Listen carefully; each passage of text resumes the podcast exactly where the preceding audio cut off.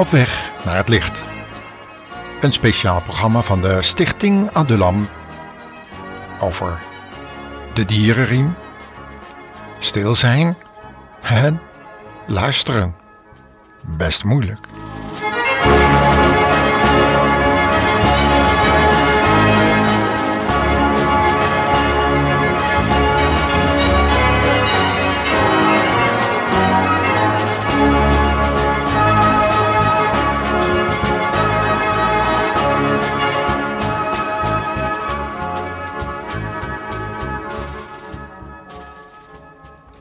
Midden op het plein zit een tweeling aan een tafeltje met Lego te spelen.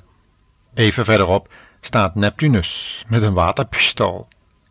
Op het plein staan nog veel meer merkwaardige attributen, maar het is er druk. Trekt de aandacht van jongelui.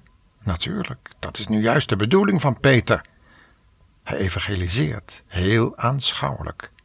Over de dierenriem. Ja, hij heeft veel over zijn tentoonstelling te vertellen. In een grote kring heeft Peter zijn attributen uitgestald. Dan vraagt hij aan een meisje om eens op te noemen wat ze allemaal ziet. Een schorpioen in een glazen hokje, twee goudvissen in een kom, een meisje, een weegschaal. En een heuse opgezette stier, nou ja, kleintje, een steenbok, een ram. En een leeuw, nou ja, opgezet dan, hè, en een kreeft een tweeling, een boogschutter en een Neptunusfiguur.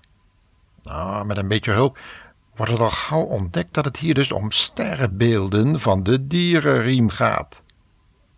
Nou, die dierenriem is de denkbeeldige gordel waarin de zon, maan en planeten zich schijnen te bewegen, volgens de wetenschap.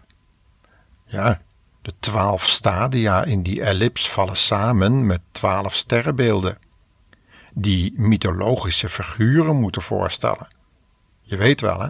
In de astrologie hecht men er veel waarde aan tijdens welk sterrenbeeld iemand geboren is. Daaruit zou je dan zelfs de toekomst kunnen voorspellen. Maar astrologie moeten we verwijzen naar het rijk van het occultisme. Zo zegt Peter. Peter speelt echter in op de belangstelling die men heeft voor de sterrenbeelden. Hij vraagt naar het sterrenbeeld van een voorbijganger. Waterman, zo wordt er gezegd. En er wordt gewezen naar de Neptunusfiguur met het waterpistooltje. Weet u wat mijn sterrenbeeld is? vraagt Peter dan aan de belangstellende toeschouwer. Kijk, het staat daar, in het midden. De man kijkt. In het midden van de kring met attributen staat een hokje met een lam erin. Eerst denken de mensen dat hij een grapje maakt, want een lam hoort nou niet bepaald bij sterrenbeelden, nietwaar? Maar dan maakt Peter duidelijk dat dit lam wijst op het lam dat geslacht is, de Heer Jezus. En wat zal heersen over alle andere sterrenbeelden? Dan slaat hij de Bijbel open bij Openbaringen 5, vers 12 en hij leest het hardop voor voor de toegestroomde menigte. Het lam dat geslacht is, is waardig te ontvangen de macht en de rijkdom en de wijsheid en de sterkte en de eer en de heerlijkheid en de lof. Ja, de aanbidding. De onwetendheid bij het pleinpubliek is groot. Men begrijpt er niet veel van. Nou ja, is ook wel lastig om zoiets in een paar minuten uit te leggen, ook in dit radioprogramma. Maar wie weet, sommige luisteraars zouden eens de Bijbel kunnen openslaan en gaan opzoeken waar ze eigenlijk iets over die dierenriem kunnen vinden. Nou, dat zal erg moeilijk zijn. Zelfs met een concordans zou je er niet zoveel uithalen. Maar eh, laten we eens naar het lam zoeken. Daar staat de Bijbel vol van. Het lam van God. Ah, zei Johannes de Doper niet zoiets? Het lam van God, wat de zonde van de wereld, dus van u en van mij, wegneemt. Nou, zouden we maar niet kiezen voor dat lam? Zoveel dat lam hebben aangenomen, die heeft God macht gegeven kinderen van God genoemd te worden. Nou, dan is niet zo erg belangrijk meer hoor, wat er in de sterren staat geschreven. Want dan wordt je naam genoemd in het boek van het leven van het lam. Dat staat erop getekend. Geweldig, als je daarin staat geschreven, dan zal God je daar nooit meer uithalen. Iedereen die in dat boek van het leven van het lam staat opgetekend, staat daar voor eeuwig. Eeuwig leven.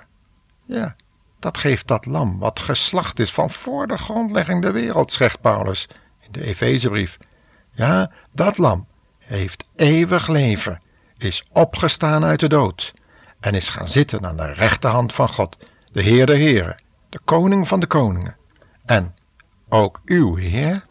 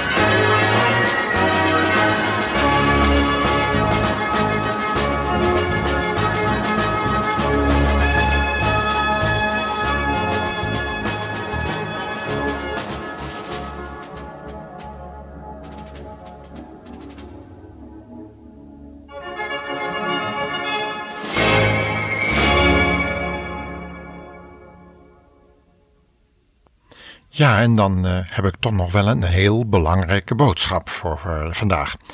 Dat is dit.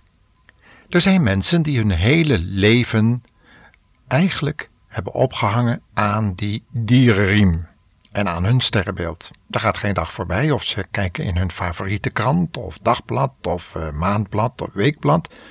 Overal vinden ze wel iets over die dierenriem en dan staat er weer wat nieuws in voor de dag. Ik ken iemand die sollicitanten opriep en dan naar hun sterrenbeeld vroeg en dan eerst eventjes het een en ander uit dat sterrenbeeld overnam, vergeleek met andere karakters en die met andere sterrenbeelden bezet waren in zijn bedrijf, en dan als hij het juiste sterrenbeeld had gevonden, nam hij de persoon in kwestie aan. Ja, het is niet bekend of dat bedrijf florisant gedraaid heeft, maar eh, Eén ding weet ik wel: dat er mensen zijn die hun hele leven verkocht hebben aan de occulte achtergronden, eigenlijk demonen, die gebruik maken van dit soort sterrenwiggelerij. Wat dat is het eigenlijk. O, die de sterren raadplegen. Zo roepen de profeten van het Oude Testament het uit. Laat het die het maar vertellen hoe het je in je toekomst uit zal zien. Maar met God heb je afgerekend. Die staat boven de sterren. Wat is het toch belangrijk om je leven niet te verkopen aan allerlei occulte leringen, aan allerlei leringen die totaal geen zin hebben en waar de boze machten in de lucht je manipuleren waar zij je willen hebben en waardoor je soms een einde wil maken aan je leven. Stel je voor dat er in de sterren er vandaag gaat er iets heel vervelends gebeuren. Dek je maar in. Kijk uit. Wees bijzonder voorzichtig, want er dreigt gevaar vandaag. Nou, dan word je al gedreven door angst, terwijl de Heer Jezus zegt dat Hij je wilde verlossen van vrees. Want echte liefde drijft de vrees buiten. En als je al geen raad meer weet, en je probeert via dat soort waarzeggerij toch nog iets te maken van je leven. En het lukt niet. Het loopt helemaal verkeerd. het gaat precies de andere kant op en je komt in de duisternis terecht, weet dan dat je niet die stap moet doen die je toch zou betruggen. Doe het niet. Daar gaat dit lied over.